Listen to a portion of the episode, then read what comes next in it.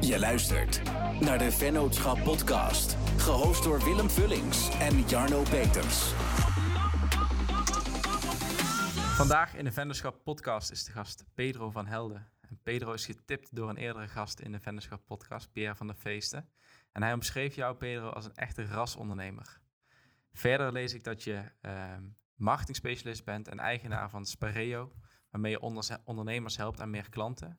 En naast Spareo ben je ook nog eigenaar van de bedrijven Solvit Ondernemen en Baas. Daarnaast heb je een boek geschreven, een bestseller, Onweerstaanbaar Ondernemen. Die heb ik toevallig eh, een aantal weken geleden terug geluisterd via Storytel. En ben je ook trainer en spreker. Dus Pedro, welkom in de show. Ja, dankjewel. Leuk, uh, leuk dat ik er mag zijn. Tof. Wil je jezelf kort nog even voorstellen? Ja, nou, ik denk dat je al veel, uh, veel verteld hebt. Maar mijn naam is in ieder geval Pedro van Helden. geboren helemaal in het zuiden van het land op mijn achttiende naar, uh, naar Tilburg uh, gaan studeren. Uh, studie bedrijfseconomie en fiscale economie. Waarbij ik in het tweede jaar van mijn studie mijn, mijn eerste onderneming gestart heb.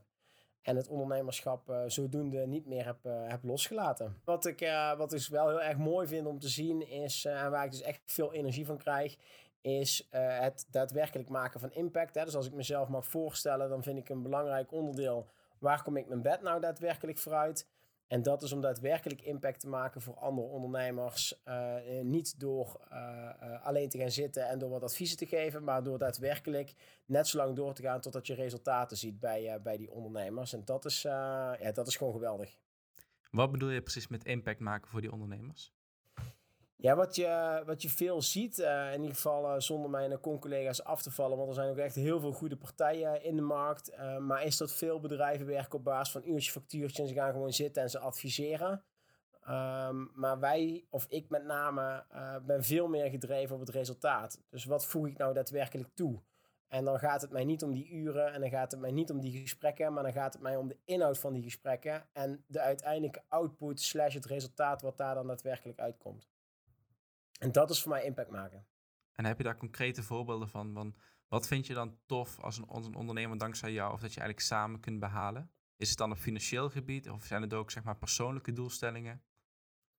Um, nou, uiteindelijk, als wij kijken naar onze organisatie, dan is dat uh, heel breed. Dan gaat het zowel over persoonlijk als zakelijk. En dan pak je alle facetten van het ondernemerschap als ik kijk waar mijn eigen interesse ligt en de impact die ik zelf wil maken en ook die ik in veel gevallen kan maken, dan is het wel gekoppeld aan uh, marketing en sales. Dus hoe zorg je ervoor dat je marketing goed is ingericht? Hoe zorg je ervoor dat je steeds terugkerende klanten krijgt? Hoe zorg je voor een ultieme klantbeleving? Um, en eigenlijk is mijn stelling een beetje: uh, hoe uh, zorg ik ervoor dat de meeste ondernemers van onbewust goed ondernemerschap naar bewust excellent ondernemerschap gaan? En daar ben ik uh, iedere dag mee bezig. Kijk, laten we daar dadelijk op, op verder gaan. Maar ik vond het interessant, want je gaf net aan in je introductie dat je op je achttiende uh, nou, ging studeren en al snel je je eigen bedrijf begon. Um, waar kwam die studiekeuze vandaan? Je ging bedrijfseconomie uh, studeren. Uh, was dat een bewuste keuze of had je zoiets van, ja, ik moet iets kiezen, dus dan wordt het maar deze, deze studie?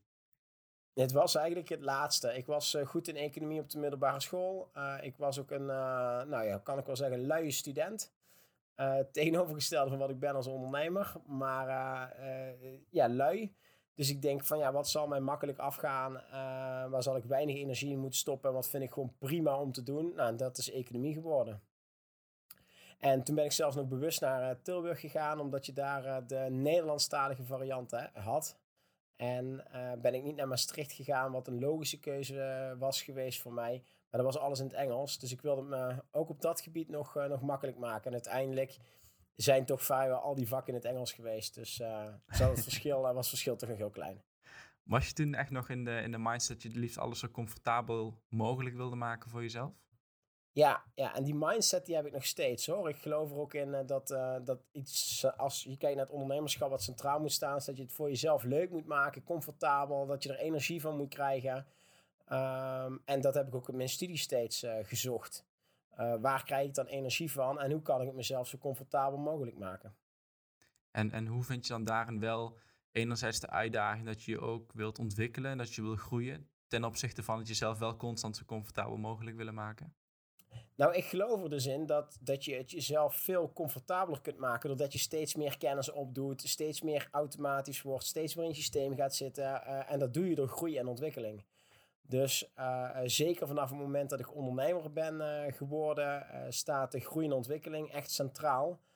ik denk dat ik hier alleen een ondernemersbibliotheek heb van, nou, misschien dat wel 200 boeken zijn inmiddels.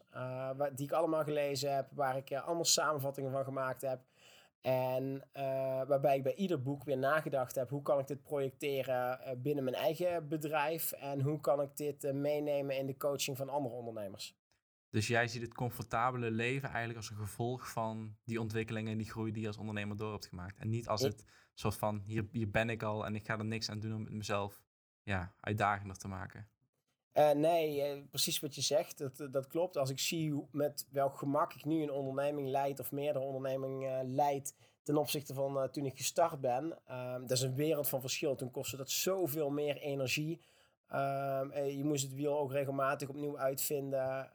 Um, ja, als ik toen had geweten wat ik nu weet, dan was ik veel sneller tot, tot leuke successen gekomen. En had ik sneller impact kunnen maken voor, of in ieder geval de impact willen maken die ik zou willen voor onze klanten. Laten we even gaan naar die start, want die gaf net al aan, je bent tijdens je studie begonnen. Uh, waarom ben je toen begonnen met ondernemen? Wat ben je gaan doen? Um, het kwam eigenlijk een beetje op mijn, uh, op mijn pad via uh, het netwerk wat ik had. Ik was ook een, een pokerspeler. Um, en aan het tafeltje ging het op een gegeven moment over het ondernemerschap. En nou, toen kwam daar het idee op tafel om, en dan moet je je voorstellen, dat is 2004 of zo geweest, zeg ik even uit mijn hoofd. Dus echt al lang geleden om meetbaar te maken wat een ondernemer uit een advertentie haalt. En uh, nou, vroeger had jij heel veel advertenties in, in, in, in, in, woonbladen, in weekbladen, in kranten. En um, ja, een ondernemer kon niet zien of dat hem opleverde. Hè? Dus je betaalde enkele honderden euro's voor die advertentie. Um, maar ja, wat is nou daadwerkelijk het resultaat? En um, als jij in een krant staat, nou mensen kijken misschien naar je advertentie, maar de dag erna ligt hij gewoon bij het oud papier of in de kattenbak of waar dan ook. Dus toen hebben wij uh, een, een boek bedacht. Uh, wij hebben, noemden dat uh, Checkbook. En op basis van dat boek gingen wij bedrijven benaderen om met een kortingsvoucher in dat boek te staan. En je kunt het nu vergelijken met het ANWB voordeelbonnenboek. Ehm, waar toen nog tijd veel bedrijven in wilden staan met een korting. En uh, er waren twee grote voordelen aan dat boekje. Enerzijds, uh, doordat er een korting in stond en ze een voucher hadden, uh, kon je precies zien hoe vaak die voucher werd ingeleverd. En dus met andere woorden, wat het resultaat was. En doordat daar 80 bedrijven in stonden met ieder een, een waardevolle korting, zorgden we ervoor dat het boekje een interessante waarde had. Waardoor je de dag erna niet bij het oud papier lag, maar waardoor je ook echt nog steeds zichtbaar was, omdat mensen dat boekje bewaarden. En dat is eigenlijk het, de start geweest van mijn ondernemerschap. En is dat dan dus een nieuwe manier geweest om te adverteren en het daardoor, um, daardoor heb je het eigenlijk meetbaar gemaakt, in plaats van dat je dus de advertenties in het, in het krantje of in het, uh, of in het weekblad, dat je die meetbaar maakt? Want dat, dat los je er in principe niet mee op, toch? Nee, dat klopt. Het, het, is echt puur het meetbaar maken. Dus het laten zien aan ondernemers of zo'n advertentie zin heeft. En uh, ja, zo ja of zo nee, dat je daarop kunt anticiperen of in kunt spelen. Ja. En je praat in de wijvorm. Wij hebben dit uh, toen opgezet. Had je toen al zeg maar compagnons of was het echt al een bedrijf of hoe zag dat er toen uit? Uh, ja, er was samen met een, een andere ondernemer die, die daar een grote rol in speelde. En ik was toen al sociaal, nou ja, hoe moet ik dat uitleggen? Sociaal betrokken in de zin van, ik heb meteen mijn studiegenoten uh, opgetrommeld met dit idee. Um, en aan, of je eigenlijk gevraagd van, uh, willen jullie meedoen? Uh, we gaan de verkoop in. Want het ging dan met name om, je wil die bedrijven vinden in het begin. Hè? Het idee dat staat, de drukker die staat. Um, en nu is het bedrijven benaderen. Um, dus ik heb, daar, ik heb dat wel meteen met studiegenoten opgepakt. En hoe is het vanuit daar? Is het dan gegaan naar wat, wat Spareo bijvoorbeeld nu is? Hoe, hoe heeft die reis eruit gezien voor jou?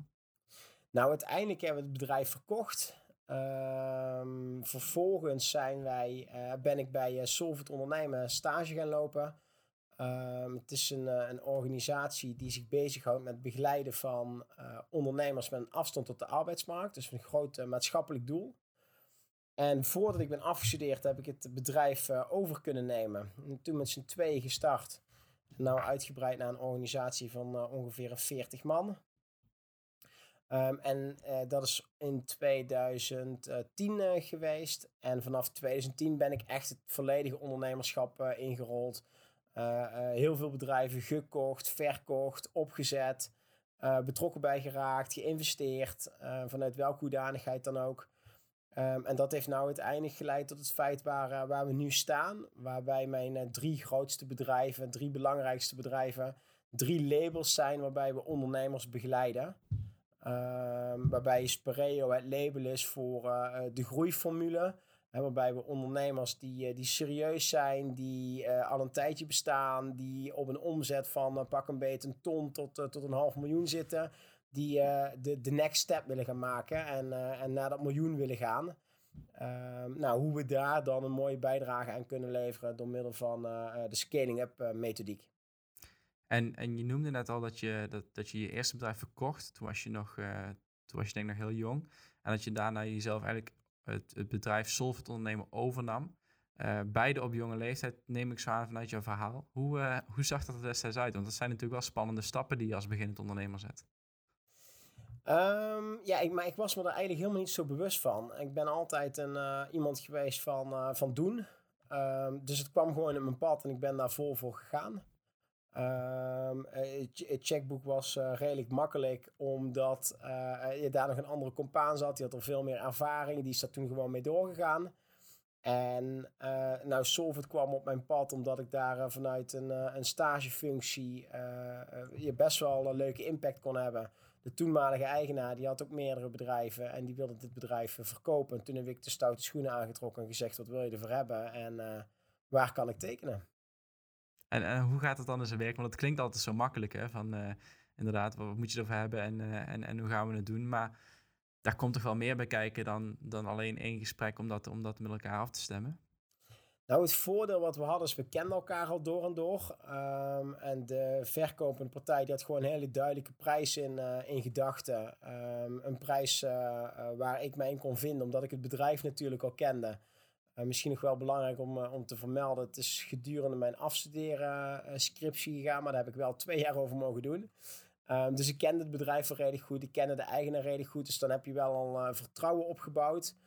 Um, en hetgene waar ik wel naar gestuurd heb bij die koop is dat we een vast bedrag konden afspreken. En dat we op basis van toekomstige omzetten nog extra revenue aan de verkoper zouden betalen. En wat maakt dat jij Solvit zo graag wil overnemen destijds? Uh, de mogelijkheden die ik zag. En ik denk het allerbelangrijkste is dat ik er veel energie van kreeg. En nog steeds krijg, moet ik zeggen. Uh, de impact uh, kom ik weer. Hè. Impact is een, een centraal woord in mijn eigen vocabulaire, maar ook binnen het ondernemerscoaching. Um, daadwerkelijk van betekenis zijn, ondernemers kunnen helpen. Solvit heeft een heel groot maatschappelijk belang ja, dat zijn allemaal zaken die heel erg aanspreken, um, waardoor we die, uh, die stap gezet hebben. En kun je eens wat meer inzoomen op dat maatschappelijke belang van, uh, van Solvit? Wat, wat doet Solvit precies? Nou, wat Solvit precies doet, is uh, mensen met een afstand tot de arbeidsmarkt. En dat zijn vaak mensen die uh, in reïntegratietrajecten zitten, die al langere tijd thuis zitten, door bijvoorbeeld dat ze in een ziektewet zitten of met een burn-out thuis zitten. Um, die weer helpen om uh, levensvreugde te krijgen, om plezier te krijgen, om een droom na te jagen. En om uh, volledig of gedeeltelijk uit die uitkering te komen door middel van zelfstandig ondernemerschap. En is dat altijd zelfstandig ondernemerschap of kan het ook dat diegene weer in een in loondienst komt? Nou, dat kan, alleen dan zijn we niet de specialisten, dus dan verwijzen wij door naar een andere organisatie. En, en hoe ziet zo'n hoe ziet zo'n traject er dan uit als, als iemand een afstand tot de arbeidsmarkt heeft, om wat voor reden dan ook. Hoe kun je eens globaal ons meenemen van hoe zo'n proces met zo iemand er dan uit gaat zien? Ja, waar we allereerst in geloven is dat wij een uh, volledig uh, kosteloos en vrijblijvend adviesgesprek aangaan met de, de, de klant, de kandidaat. Om te kijken hoe enthousiast is iemand, hoe gedreven is iemand, welke mogelijkheden zien we voor zijn bedrijfsidee, moeten we downsizen, hè, want soms heb je ondernemers die een heel mooi idee hebben, waar misschien wel een tonnen voor nodig is, horeca-concept. En dan probeer je wel te kijken van oké, dit is op dit moment misschien niet haalbaar, maar hoe kunnen we ervoor zorgen dat het wel haalbaar wordt? dus uh, een leuk voorbeeld is, ik heb recentelijk een ondernemer gesproken die wil een horecazaak overnemen voor, uh, volgens mij was het 215.000 euro. Ja, zeker in deze tijd niet zo slim om te doen. Hij had zelf zelfs nog een schuldenpositie. Ehm, maar dan ga je kijken van hoe kun je zo'n ondernemer dan toch helpen. En uh, in het gesprek kwam naar voren dat hij heel veel affiniteit had met de Surinaamse keuken. Dat hij er heel goed in was. Um, en in dit geval hebben wij uh, niet gestuurd op het overnemen van die horecagelegenheid. Maar dat weggezet als een plan voor over drie tot vijf jaar. Maar wel gekeken hoe hij nu die start kan maken. En dat was in dit geval starten met een catering. Um, dan krijg je meteen een beetje een beeld van dat, uh, van dat eerste gesprek. Hoe dat, hoe dat gaat. En vervolgens gaan we een traject aan waarbij we uh, samen met de ondernemer kijken naar een bedrijfsplan, een financieel plan. Uh, hoe je op een makkelijke wijze en op basis van no budget, want dat is natuurlijk wel belangrijk, zeker voor deze doelgroep, hoe je daar uh, aan klanten komt. Um, en vervolgens begeleiden wij met alle praktische facetten van de opstart, de administratie, de verzekeringen en alle ondernemersvragen die gedurende zo'n traject aan bod komen. En wanneer houdt die begeleiding van jullie kant, wanneer houdt dat op? Nou, ik denk dat dat wel het mooie is waar wij als organisatie voor, uh, voor staan. Um, de meeste opdrachtgevers van ons die werken met een aantal uren. En wij houden ons netjes aan, uh, aan die voorstellen. Maar zelf intern kijken we niet naar uren. En hebben we wederom maar één doel. En dat is succes realiseren. Dus wanneer houdt die begeleiding op? Uh, het kan voor de opdrachtgever, denk bijvoorbeeld aan het UBV of diverse gemeentes, kan het misschien contractueel ophouden.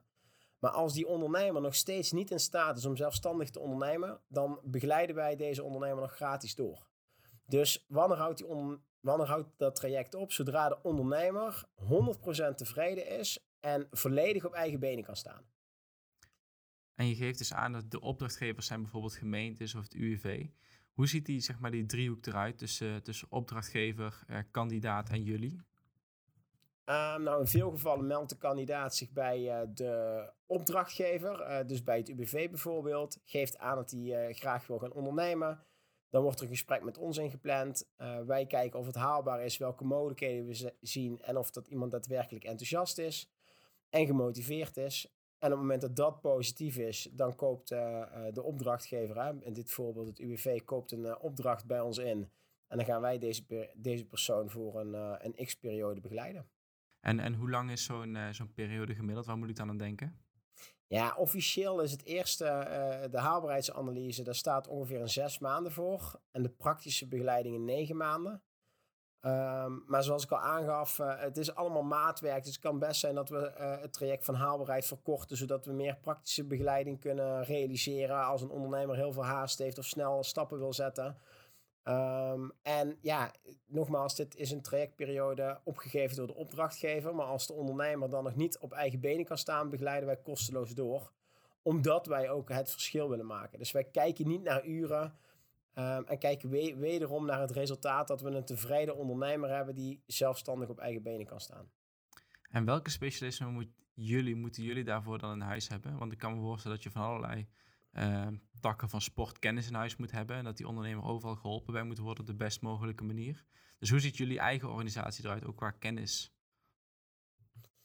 Ja, we hebben diverse experts en specialisten binnen onze organisatie. Uh, uh, denk aan een accountant, denk aan een verzekeringsspecialist, online ehm, ja, social media specialist, offline marketing, sales. Het financiën stuk zeker niet te vergeten, optimalisatie. Dus wat wij binnen onze organisatie hebben, is dat iedere ondernemersadviseur uh, zich toelegt op één of twee uh, onderdelen, facetten van het ondernemerschap waar zijn interesse ligt. Om zich daar steeds maar in te blijven verdiepen en vooruitstrevend te zijn in de markt. Zodat we onze klanten steeds het beste advies kunnen geven. En door middel van diverse kennissessies die wij intern hebben, delen we die kennis die iedere adviseur voor zichzelf opdoet. En dus voor de organisatie en onze klanten opdoet. En wat is jouw rol op dit moment dan binnen Solvit? Uh, mijn grootste rol op dit moment is dat ik, uh, nou, ik zou het eigenlijk zeggen, een stukje ja, raad, van, uh, ja, raad van bestuur misschien. Ehm, de organisatie die draait heel erg goed. Ik vind het leuk om met mijn voet in de klei te blijven staan. Dus ik heb nog een paar klanten. En verder ben ik bezig met de groeistrategie van, uh, van de organisatie. we groeien heel snel. Ehm, ja, en dat in goede banen leiden, dat is hetgene waar, waar ik veel mee bezig ben. Ehm, en dat koppel ik aan hetgene waar ik de meeste energie van krijg. En dat is mezelf voortdurend ontwikkelen op het stukje marketing, op het stukje sales, klantbeleving.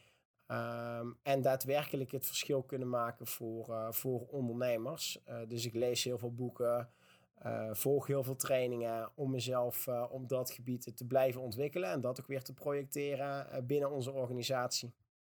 Ja, daar komen we daar zeker nog op terug, want daar ben ik enorm benieuwd naar. Ik ben ook wel benieuwd of dat maatschappelijk, maatschappelijk ondernemen altijd al in jou heeft gezeten. Of is dat echt gegroeid door middel van die, uh, die afstudeerstage destijds? Ik denk dat het dat met name gegroeid is door, uh, door die afstudeerstage. Als je dat van dichtbij ziet en uh, je ziet hoe, hoe blij die klanten zijn. Um, ja, dat, dat is heel erg bijzonder om, om mee te maken. Je ziet het in deze tijd steeds meer. Het wordt steeds belangrijker. Um, dus uh, los van het feit uh, wat we met onze klanten doen, steunen we ook heel veel uh, goede doelen. Uh, Pardoes is daar een, een mooi voorbeeld van. een organisatie die zich inzet voor gezinnen met een, ja, een kind dat, dat, dat ernstig ziek is, tot levensbedreigend ziek is. Om deze mensen een onvergetelijk ja, weekje weg te kunnen geven. Ehm, nou, daar een bijdrage aan kunnen leveren, dat, dat is mooi. Dus ja, zat het er toen al in? Nou, ik denk het minder, maar ik denk naarmate de jaren uh, vorderen en je ziet wat je kunt betekenen, dat het steeds belangrijkere rol binnen de organisatie heeft gekregen. En trek je die maatschappelijke rol dan ook door in je andere labels, dus in Spareo en in Baas? Ja, ja, ja, in alle labels. Alleen um, uh, ja, soms dan uh, zit het ook al in de dienstverlening zelf. Hè, bij uh, een software ondernemer hebben we natuurlijk een specifieke doelgroep. Waar het maatschappelijke belang al vele malen groter is.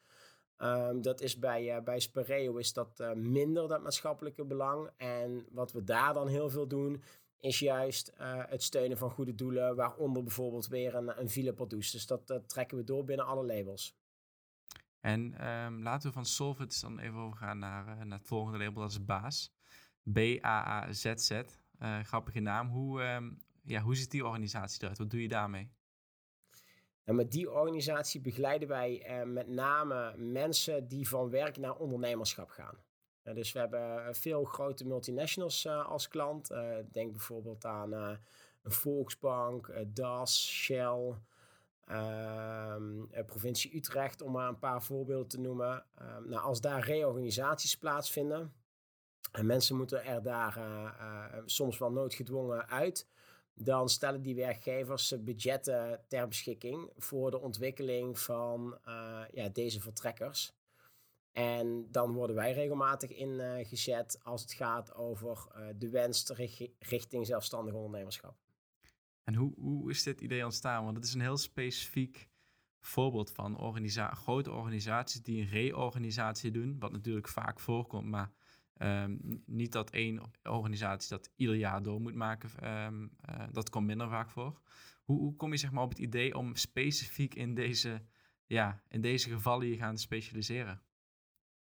Um, ook dat uh, gebeurt weer vanuit, uh, vanuit het netwerk. Um, ik geef uh, veel trainingen en toen nog tijd gaf ik veel trainingen op het gebied van netwerken.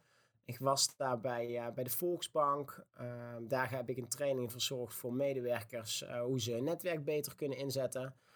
daar gesproken met een HR-manager. die vertelde een beetje wat daar de situatie was. En, en daar hebben we eigenlijk op ingespeeld. En zo is dat balletje gaan, gaan rollen.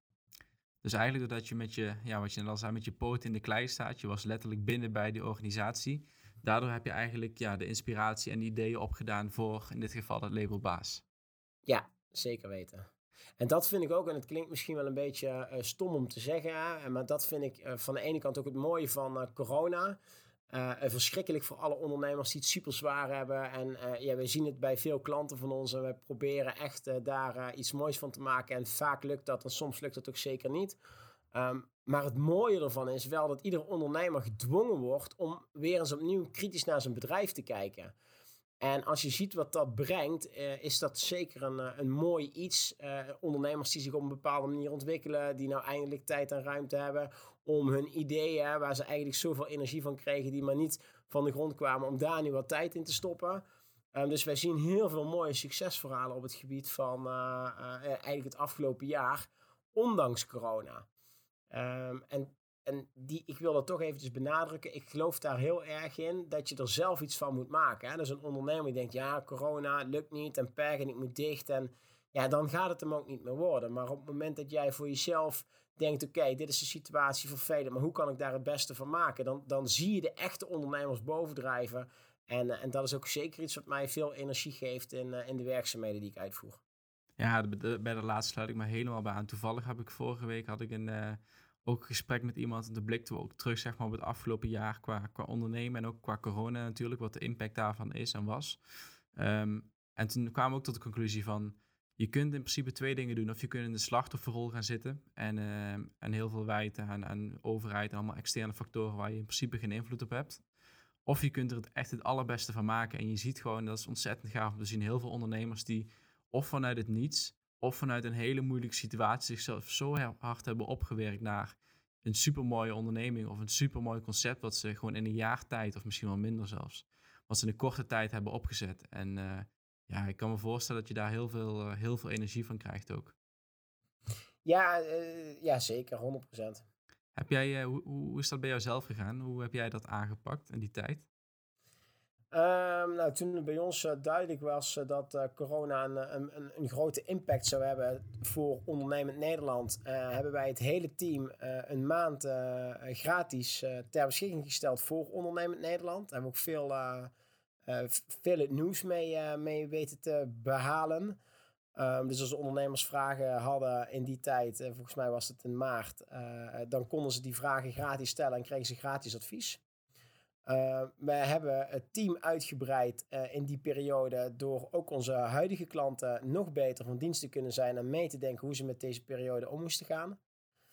En zelf heb ik mijn tijd gebruikt om het boek te schrijven waar je het uh, bij de intro al over had, het boek Onweerstaanbare Ondernemen.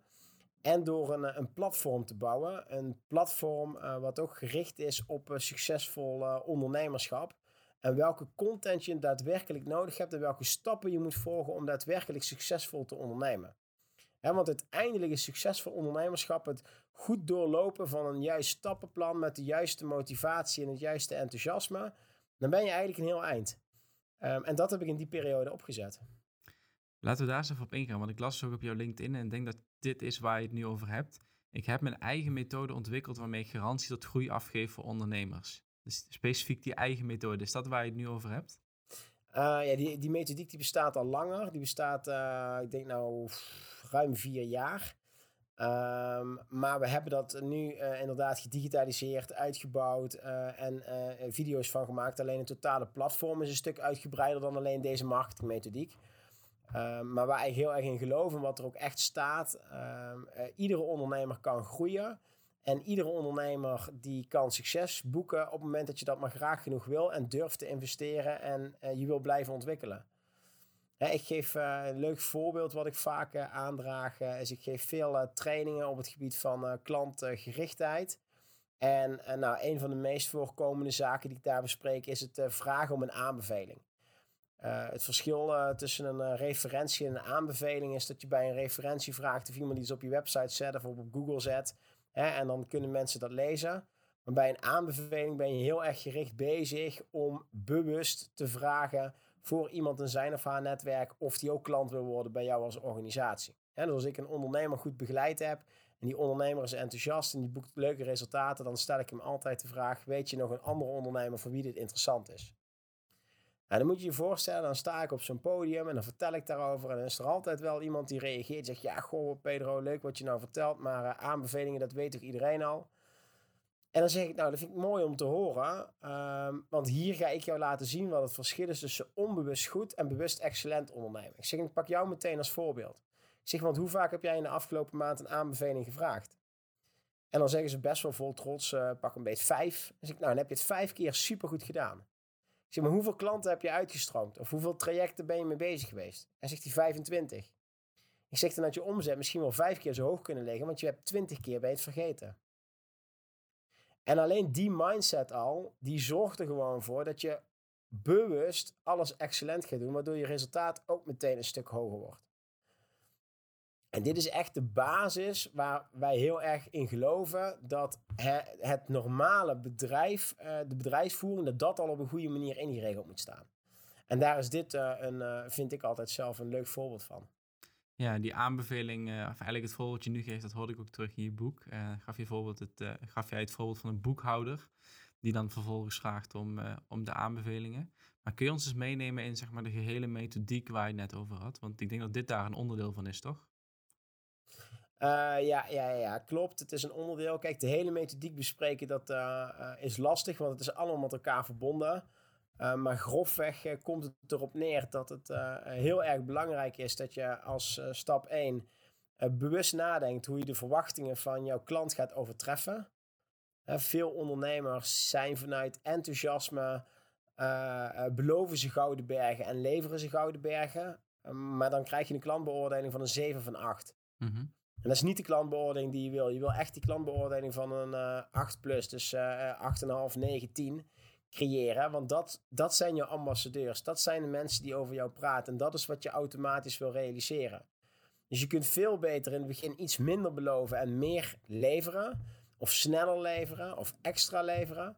Zodat je die verwachtingen overtreft. Zodat die klant positief over jou gaat praten uit zichzelf. Zodat dat weer een nieuwe klant oplevert. Dus dat is allereerst heel erg belangrijk als je het hebt over de methodiek. Hè? Dus wat beloof je en wat lever je?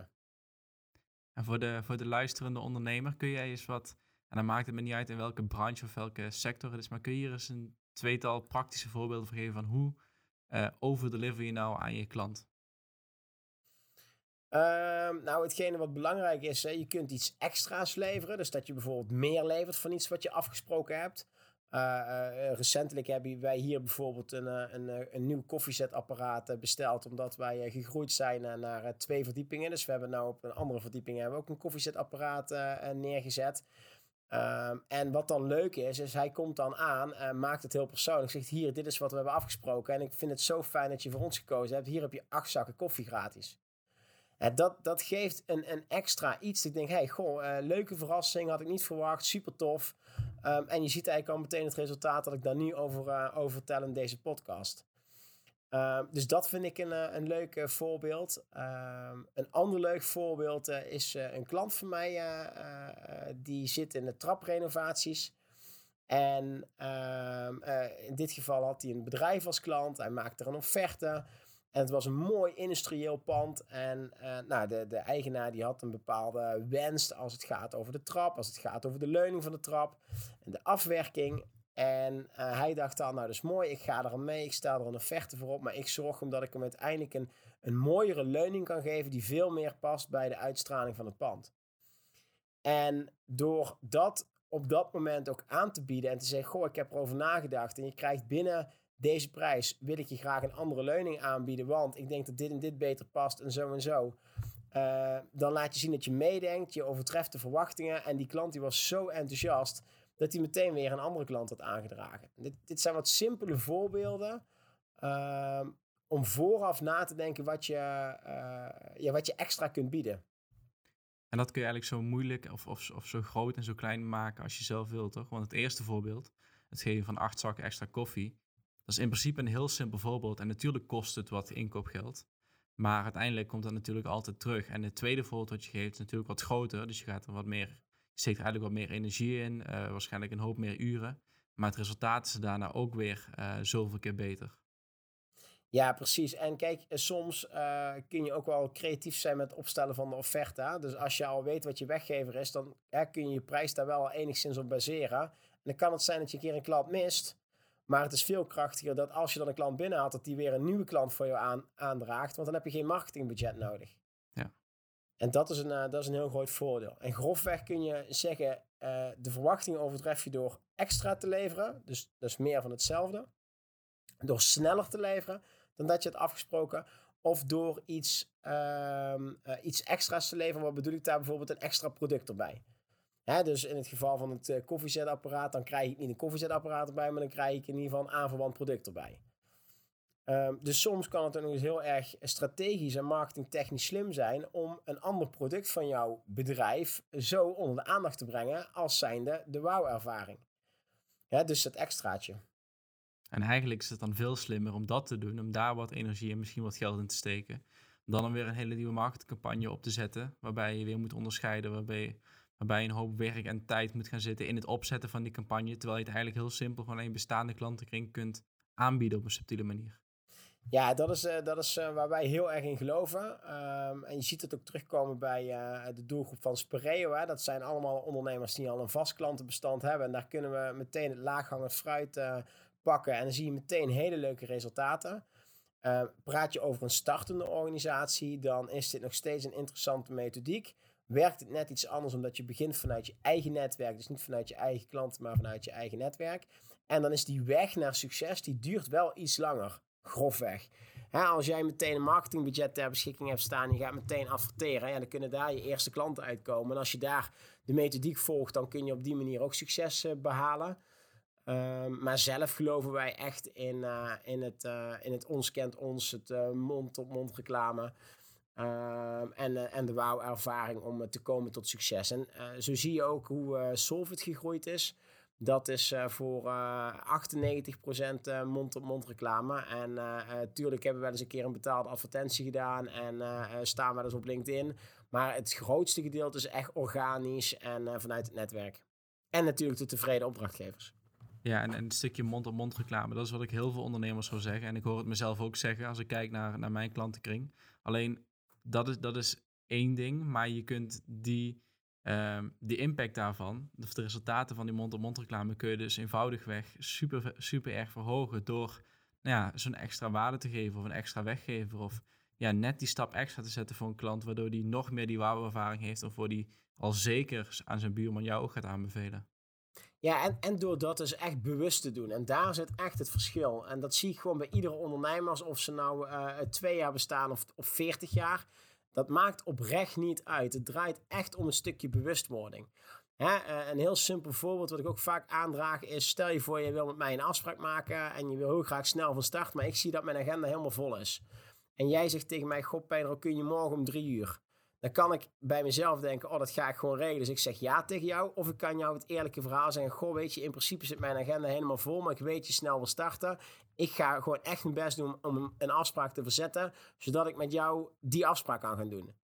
Dat zorgt er alweer voor dat die klant en een reëel beeld heeft. Maar ook gewoon zich gewaardeerd voelt. En je eigenlijk al meteen een stukje wauw-ervaring realiseert. Omdat je met die klant mee wil denken. En wat doen veel ondernemers? Die gaan gewoon aangeven: oh ja, dat ga ik voor je regelen. Maar die leggen de, de, de context niet uit.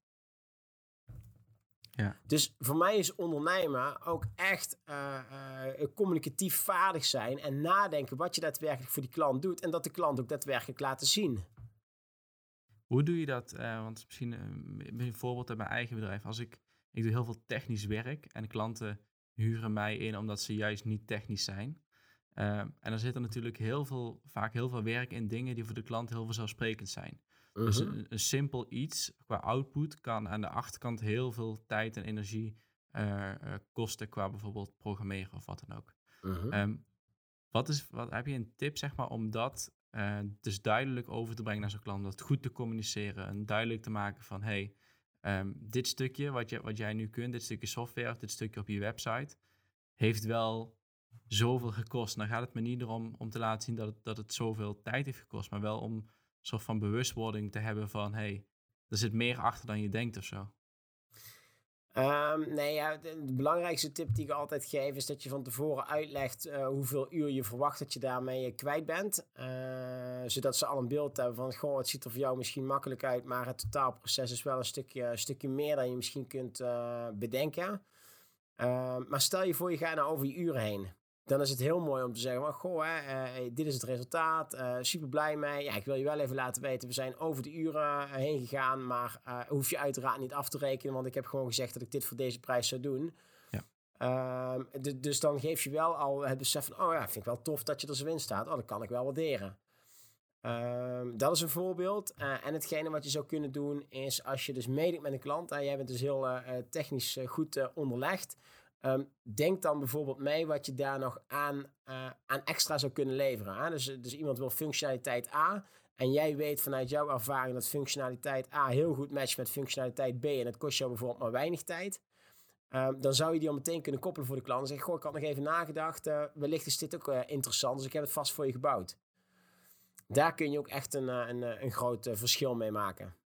En als ik kijk naar, dat is misschien niet, niet helemaal de branche waar jij in zit, maar als ik bijvoorbeeld kijk naar websites, ehm, wat dan een wauw-ervaring kan realiseren, is dat je meteen het logo en de stijl van de klant meeneemt in jouw voorstel. En dus als je het dan hebt over van, hey, goh, dit is wat je belangrijk vindt in een website of het technische gedeelte. En dan laat, laat ik hierbij een stukje look en feel zien hoe het er daadwerkelijk uitkomt te zien. Dus dan, dan krijgt de klant veel meer beleving. Dus dan krijgt hij een inlevingsproces in hetgene wat je daadwerkelijk gaat maken. Ja, dus steek wat meer energie aan de voorkant, zeg maar, bij het eerste voorstel al. Om die klant meteen een soort van ja, te laten zien hoe het er in zijn situatie uit zou zien. Met zijn eigen logo, met zijn eigen huisstijl. Om hem daarmee te overtuigen. Ja, en dan, is het, en dan zit hem de kracht erin. Als je dat doet, dan kun je dus, geloof ik erin, en dat zien we ook bij veel klanten, meer klanten binnenhalen. En zorg er dan nog wel voor dat jouw voorstel wat je in het begin gedaan hebt, dat je dat wel nog kunt overtreffen.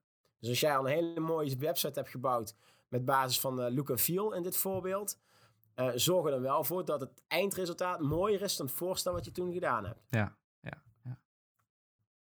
Hey, ehm, we hebben de methodiek um, hebben we net aangehaald. Mis ik daar nog de stappen in, de grove stappen die je net beschreef? Um, nou, en wat nog een belangrijk onderdeel is, is dat je nadenkt over een, uh, een weggever. en dat betekent dat je nadenkt hoe mensen jou uh, uh, ja, min of meer gratis kunnen ontdekken, jou kunnen ervaren, zodat ze weten of ze een goede keuze gaan maken. En dat is eigenlijk ja, het marketingbudget, zeg ik altijd, uh, wat je als bedrijf uh, nodig hebt. Die tijd en energie die je daarin stopt om uh, jouw potentiële klant met jouw kennis te laten maken. En het meest simpele voorbeeld is het gratis, gratis adviesgesprek. Um, dat zorgt ervoor dat het op een laagdrempelige manier mogelijk is om uh, elkaar te leren kennen. Om meteen een, uh, een, rol van betekenis te kunnen spelen. Want dat is wel belangrijk. Hè? Luister niet alleen naar het verhaal van de klant. Maar geef meteen tips en tricks en adviezen. Waardoor die klant ook echt geholpen is. Of die potentiële klant moet ik zeggen. Um, want dat zorgt ervoor dat je veel meer uh, mensen kunt benaderen. Die bij twijfel jou graag even willen ervaren.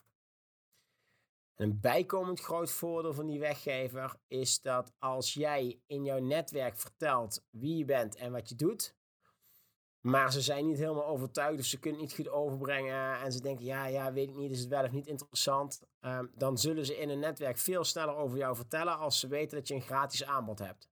Dus stel je voor, uh, ja, nou, uh, jij hebt mij nou gesproken, je komt een ondernemer in je netwerk tegen die uh, graag wil groeien, die van een ton een miljoen wil maken. En uh, jij denkt van ja, goh, dat was wel een interessante podcast. Maar ja, is het iets, is het iets? Ik weet het niet, ik twijfel. Dan is het wel heel makkelijk om toch die link te leggen. En zeggen, goh, ga eens met Pedro om tafel van Spareo. Want wellicht dat die iets voor je kan betekenen. Het leuke is, hij geeft jou in ieder geval een gratis advies. Dus je kunt al je vragen kun je bij hem stellen. En dan kun je kijken of het iets voor je is. Dat zorgt ervoor dat jij die introductie maakt. En als ik geen weggever heb en het is meteen 150 euro per uur ja, dan denk jij wel twee keer na voordat je iemand uit jouw netwerk met mij gaat koppelen als er dadelijk niks blijkt te zijn en die al 150 euro kwijt is. Ja, nou, en anderzijds, want daarmee maak je de drempel ontzettend laag. Eigenlijk voor, um, voor een doelgroep die breder is dan jouw echte doelgroep. Um, hoe voorkom je dan dat jouw hele agenda volloopt met van dat soort gratis adviesgesprekken waar misschien wel 80% van, waarbij je na een minuut al weet van ja, maar dit wordt nooit een potentiële klant voor mij? Uh, wij bellen de leads altijd even op en we kijken wat uh, de daadwerkelijke zoekvraag is. Um, dus als ik kijk naar Spareo weer als voorbeeld. Wij zijn daar specialist in, in de groeiformule, groeistrategie, scaling up. maar veel klanten, of potentiële klanten, die denken dat wij leads voor ze binnenhalen. En dus door eerst een telefoongesprek aan te gaan om die afspraak te plannen, daar een paar verdiepingsvragen te stellen, komen wij er meteen achter of het een, eh, een passende oplossing is. Um, en als dat niet is, als wij te weinig voor die persoon kunnen betekenen, dan geven we dat aan en verwijzen we door naar een, eh, een collega of uh, een andere organisatie die, in een, ja, die misschien in een ander vakgebied specialist is. Ja, dus je hebt eigenlijk een soort van selectievragen en op basis daarvan beslis je of dit, of jullie hem of haar potentieel kunnen helpen of dat iemand anders daar beter bij gebaat is. Ja, en ik denk dat moet wel centraal staan. Kijk, wij hebben ook echt wel regelmatig een, afspraak dat we weten: dit is niet onze klant, maar wij kunnen wel iets betekenen. Dan gaan we nog steeds graag het gesprek aan, omdat wij impact willen maken. Ehm, dus als wij een ondernemer hebben die graag wil groeien, maar die ons bij wijze van spreken niet zou kunnen betalen, en dat weten we eigenlijk al vooraf, dan is het voor ons geen reden om het gesprek niet aan te gaan. En dan vind ik het wel belangrijk om die ondernemer nog daadwerkelijk te helpen en mij te houden aan het woord dat wij dat gratis adviesgesprek doen. Uh, wij plannen het gratis adviesgesprek niet in als wij niet de aangewezen partij zijn om die klant goed te kunnen helpen. Dus als de zoekvraag anders is dan dat wij kunnen bieden, ja, dan is dat ons selectiebeleid en gaan wij dat gesprek niet aan. Omdat het zonde zou zijn uh, van de tijd van de klant en uh, voor onze tijd. En je het nu weer, dat impact maken. En het blijft wel triggeren, want het is in principe een, woord wat heel veel bedrijven noemen. Maar ik heb het nu in de podcast al, uh, al zo vaak teruggehoord dat ik, dat ik er toch wel weer even op in wil gaan. Want in elke beslissing die, die jullie als bedrijf zijn maken, wat ik, wat ik dan nu ervan kan, kan opmaken, lijkt het alsof impact maken centraal staat. En ik ben dan heel benieuwd hoe je dat. Dus een soort van cultuur is het eigenlijk, bedrijfscultuur van jouw drie labels. Maar hoe hou je die in stand als je dus gaat groeien qua, uh, qua organisatie? Nou, wat, het is mooi wat je, wat je zegt, want dit is inderdaad ons, ja, on, onze missie. Hè? Wij willen impact maken, we willen ondernemersdromen realiseren. En iedere afweging die we binnen de organisatie maken, die is hieraan gekoppeld. Dus als wij nadenken van oké, hoe gaan we onze adviseurs inzetten? Wat moet de caseload zijn? Dan hebben we maar één doel. Wat is de caseload? Dat jij op een goede manier jouw kandidaten, jouw cliënten, jouw ondernemers op een goede manier kunt helpen. Um, als wij het hebben over de uren die worden ingekocht door opdrachtgevers, dan gaan wij nadenken en dan gaan we zeggen, ja, maar het is leuk dat de opdrachtgever met uren werkt, maar het kan zijn dat die ondernemer daar niet bij geholpen is. Hoe gaan we daarmee om? En dan komen initiatieven als uh, we kijken niet naar uren, we geven een 100% garantie af. Um, omdat wij daadwerkelijk impact maken. En dat zie je bijvoorbeeld ook terug bij Spareo. Wij garanderen gewoon resultaat. En dat resultaat dat bepalen we vooraf gezamenlijk. Um, dus jij als ondernemer bepaalt wat je doel is. Wij gaan het gesprek aan. En als wij denken dat dat haalbaar is, dan gaan we daar volledig voor. En je betaalt alleen als, je, als wij het succes leveren en jij 100% tevreden bent. Dus wij, in de hele bedrijfsfilosofie van alle bedrijven staat dat centraal. En dat, hè, dat laat ook zien, hè, want dat was je vraag. Ah, hoe ga je erom mee als je zelf een groeiende organisatie bent? Nou, dat heeft te maken met een groot uh, beleid binnen de organisatie. Alle neuzen dezelfde kant op. Het delen van veel kennis. En uh, uh, soms betekent het ook dat we tegen opdrachtgevers nee moeten zeggen, omdat we te snel groeien en dan de kwaliteit niet kunnen borgen of de mensen niet gereed hebben op het niveau waar wij, waarvan wij dat willen. En dus dat komt ook wel eens voor. En, en die lijn, die, die cultuur, die heb je dan binnen, binnen de drie labels heb je die overal doorgetrokken. Maar hoe moet ik het zien? Zijn het, zijn het drie labels die zeg maar, binnen hetzelfde kantoor fysiek vallen? Of zijn het echt drie aparte organisaties wat dat betreft? Nee, het zijn drie volledig uh, aparte organisaties met ieder zijn eigen adviseurs, Um, en specialisaties, maar er is onderling wel veel kennisdeling. Hè? Dus uh, ik ben bij alle labels ben ik betrokken. Vaak net vanuit een andere variant, om maar zo te zeggen, met net wat andere aandeelhouders. Maar grofweg is, is, is het volledige team van ondernemersadviseurs dat hier werkzaam is. Dat wordt ingezet over de labels met dan eigen specialisaties. En dus die, die werkwijze en waar wij voor staan, dat is bij alle drie de organisaties dat, hetzelfde. En hoe verdeel je dan jouw aandacht over deze drie labels? Um, nou, weet je wat het grappige is? De aandacht voor de drie labels is identiek. En wat probeer ik daarmee te zeggen? Um, het zijn drie labels naar buiten toe, zodat onze doelgroep zich beter aangesproken voelt. Maar intern uh, verandert er niet veel. Want we hebben allemaal dezelfde missie. Misschien net een andere doelgroep, maar allemaal dezelfde missie. We willen impact maken voor ondernemers. We willen ondernemerschap op de kaart zetten. We willen groei realiseren. Um, en het is een paar uh, punten en comma's aanpassen. Um, maar dan kom je tot hetzelfde resultaat. Dus het verschil naar buiten toe is misschien veel groter dan dat het daadwerkelijk aan de binnenkant is. Maar als je hem eens praktisch bekijkt, uh, je, je hebt een werkweek van uh, eh, 40, misschien wel meer. Ik denk al meer, ik denk al meer uren in, in een werkweek. Maar hoe, hoe, ja, hoe verdeel je je tijd dan? Misschien is dat een betere vraag. Hoe verdeel je je tijd over de verschillende bedrijven? Um, ja, nogmaals, zoals ik zei, kijk, ik ben bezig met de groei en ontwikkeling van de organisatie. En voor mij is dit één grote organisatie. Ehm, dus als ik een, een boek lees over de groeiformule of een podcast luister of wat dan ook, dan zet ik dat in binnen alle drie de organisaties. En daar heb ik dan evenveel tijd voor.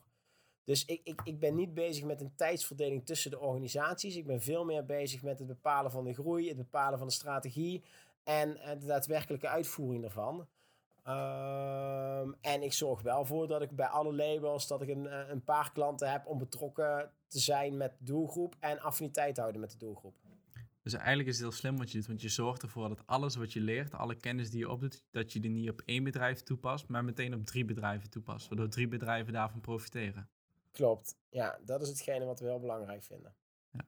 En volgens mij in je introductie gaf je aan van ehm, heel veel bedrijven verkocht, heel veel gekocht, heel geïnvesteerd, maar je gaf, of je liet ook blijken dat het, ja, dat het je zo van makkelijk afgaat om, om, om deze bedrijven te laten groeien en om, om ze te, ja, te besturen als het ware. Ehm, kun, je, kun je daar wat meer op inzoomen? Waarom gaat jou dat zo makkelijk af? Nou, wat ik met name heb geprobeerd te zeggen vanuit de intro is, als ik het vergelijk met hoe ik startte, gaat het mij uh, gemakkelijk af. Hè? Uh, als je net start uh, of minder ondernemerskennis hebt, dan denk je over veel meer dingen na. er komt veel meer op je bordje, er is veel meer nieuw. En dat kost gewoon heel veel tijd. Hè, eh, de eerste keer dat je naar een x aantal medewerkers gaat, is spannend, kost gewoon veel meer tijd. als je eenmaal een x aantal medewerkers hebt, dan is het weer makkelijker om daar weer een paar nieuwe mensen bij te zetten. want dan heb je al vaker met het beltje gehakt. Ehm, dus wat ik meer probeer te zeggen is, um, naarmate je langer ondernemer bent, heb je al veel meer ondernemerservaring en dan ondernemerskennis opgedaan, waardoor het makkelijker is om hetzelfde resultaat te bereiken ten opzichte van als je die kennis niet hebt. Ehm, het grote voordeel nu om eh, eh, makkelijk tot groei te komen, ehm, eh, zelfs in deze tijd, is ook gelegen in het, in het feit dat we een heel goed team om ons heen hebben. alleen, ja, zou ik een leuke ondernemer zijn, maar dat is het dan wel. de reden dat wij groeien komt niet door mij, dat komt door het team dat we hier hebben staan. Een team waar ik gigantisch trots op ben. Um, en, en, en door dat team behalen wij de resultaten. Kun je uh, tijd verdelen. Uh, heb je veel meer kennis in huis. En is het dus makkelijker om stappen te zetten. Ja, en, en een heel groot gedeelte daarvan is natuurlijk ervaring, zoals je al aangeeft. Van de, de tweede keer dat je het doet, is natuurlijk een stuk minder spannend en moeilijk dan de eerste keer. Uh, anderzijds hebben we het over kennis en hebben we het over boeken en over podcasts en over trainingen die je hebt gevolgd.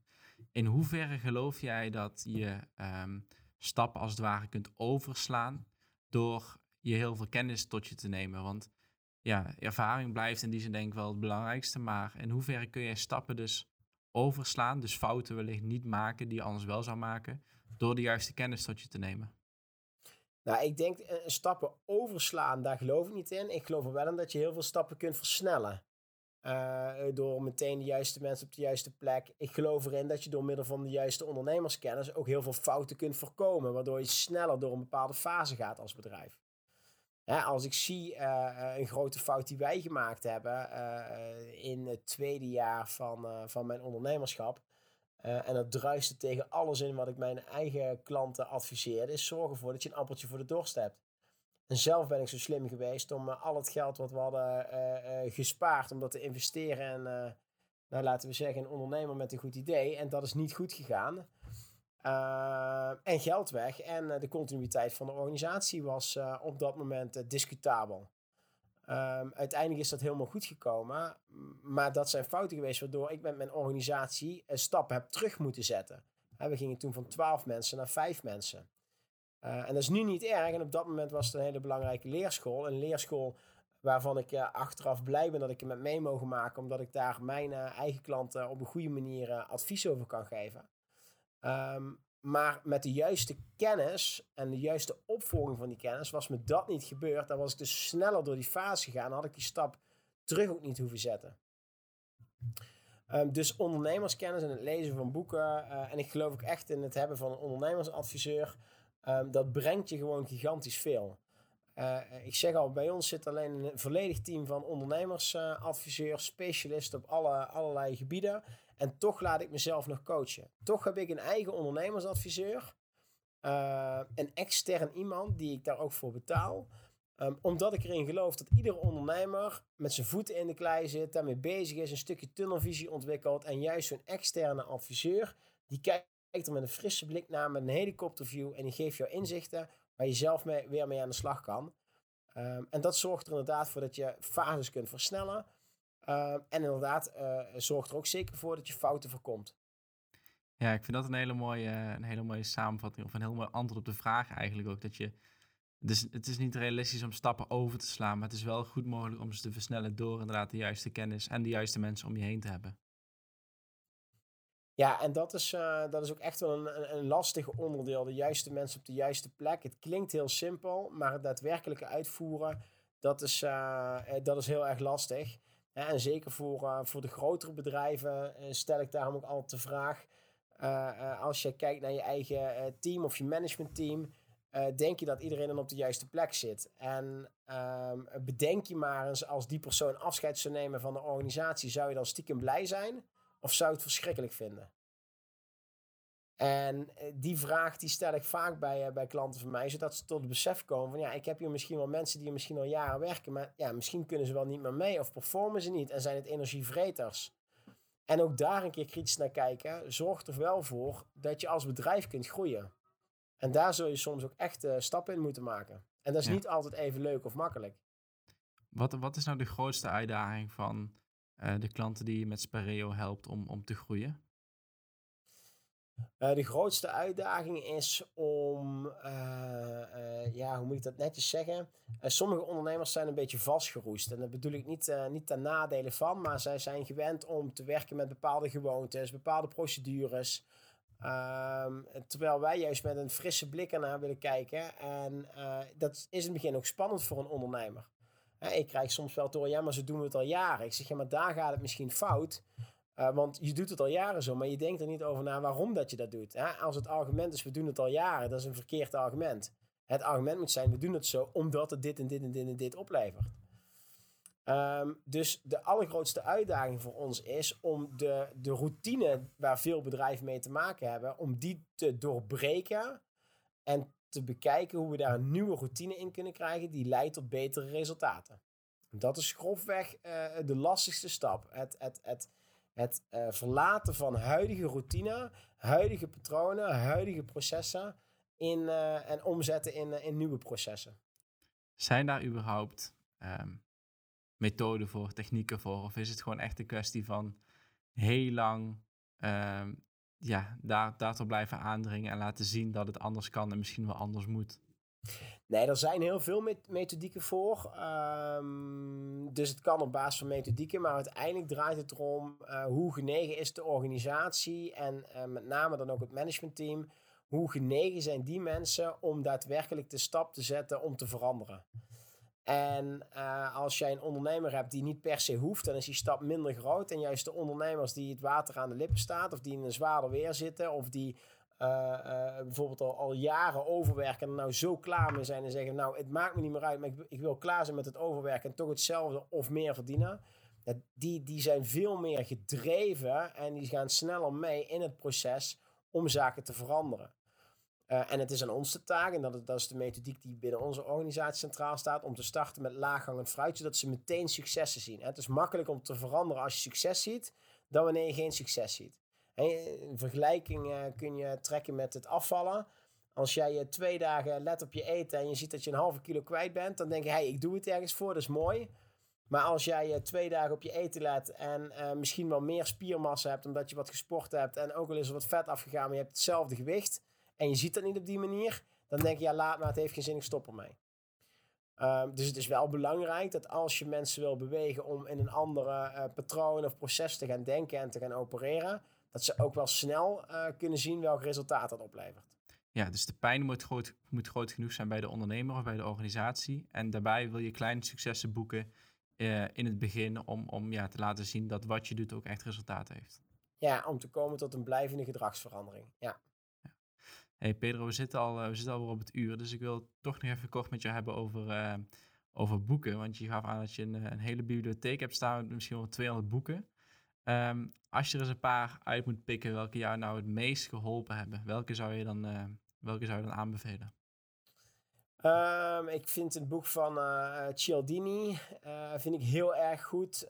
Dat gaat over influence, oftewel invloed in de Nederlandse variant. En dat laat zien hoe je welke overtuigingsprincipes, beïnvloedingsprincipes er zijn om je mensen, potentiële klanten, te overtuigen van, van jouw product.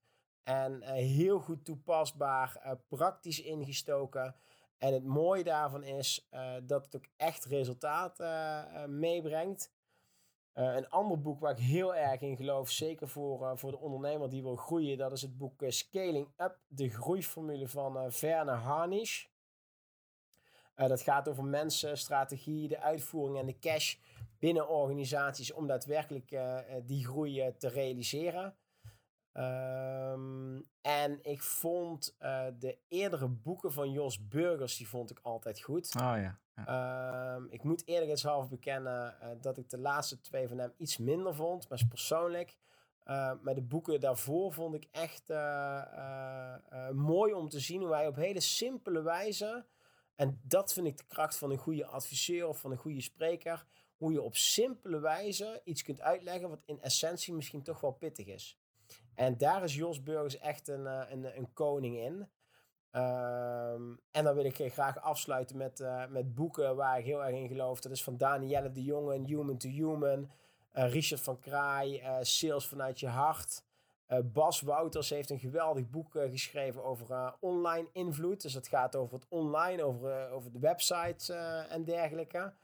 En Marjolein Bongers over, over LinkedIn. Dat zijn boeken waar ik veel aan gehad heb. En zijn ook tevens mensen waar ik een, een samenwerking mee ben aangegaan. Juist omdat zij me hebben weten inspireren. Omdat zij, vind ik, op een vernieuwende manier naar de markt kijken, naar de doelgroep kijken, naar hun eigen content kijken. en dat is gewoon heel erg mooi om, om, om te mogen ervaren. En dan mis ik nog Pedro van Helden met Onweerstaanbaar Ondernemen. Ja, een boek waar ik zeker achter sta, maar ja, ik zal mezelf niet verkopen. daar geloof ik niet in. Dat is een andere om, om, om, daar een oordeel over te mogen vellen. Ik ben blij met de vele positieve reacties die, die we gehad hebben van klanten en, en lezers. Blij met het feit dat, dat we de managementpositie nummer 1 te pakken hebben gehad vorig jaar. Zeker trots op. En nou, misschien dat jij wel eventjes kunt vertellen wat je is bijgebleven van het boek of, of, dat je het een goed boek vond. Wat mij, wat mij het meest is bijgebleven zijn de, de simpelheid en, de, en daardoor de, de praktisch toepasbare voorbeelden van eigenlijk wat we in deze podcast openoemd hebben. Dus die gratis weggever en die, die aanbeveling. Dat hoor je overal, dat hoor je in elk webinar en elk seminar hoor je dat. Maar daar echt de praktische, simpele toepassing van. En ook de, de kleine tips, de kleine nuggets. Ik denk dat die het vooral voor startende ondernemers heel, um, heel makkelijk maken. In die zin om het ook direct toe te passen. Want vaak komt er zoveel op je af als startende ondernemer. dat je eigenlijk niet meer weet waar je moet beginnen. En omdat het allemaal toch best wel ingewikkeld lijkt, uh, doe je het maar niet. Maar um, door juist die principes die je overal toch al hoort, heel makkelijk te maken en heel toepasbaar te maken, denk ik dat ze heel goed um, ja, heel goed en snel toe te passen zijn binnen jouw uh, startende onderneming. Dus dat is wat mij het meest is, uh, is bijgebleven van je boek. Oké, nou het is mooi, uh, mooi om te horen. Dus ja, en dat is natuurlijk ook een mede reden waarom dat ik hier zit. Dus dank je wel daarvoor, voor deze uitnodiging. Ook nog een, een, een, een, dank naar Pierre toe. Ja. iemand die ik zeker ken, waar ik graag mee samenwerk. ook echt een vakspecialist. Dus leuk dat hij mijn naam heeft laten noemen. Super. Nou, in ieder geval bedankt voor je tijd. En uh, ja, heel veel succes met je, met je ondernemingen. Maar dat gaat, uh, volgens mij gaat dat helemaal goed komen. En uh, nou, wij houden contact, denk ik. Ja, zeker weten. Jij bedankt. Heel veel succes met de Vennootschapspodcast. mooi initiatief. En ik hoop dat je nog heel veel mooie, inspirerende sprekers mag vinden. Daar twijfel ik niet aan. In het verleden zijn volgens mij al leuke sprekers vooraf gegaan. Dus ga zeker zo door en we houden zeker contact. Dankjewel, komt helemaal goed. Bedankt voor het luisteren naar de Vennootschap podcast. En vergeet niet te abonneren op Spotify en Apple Podcasts.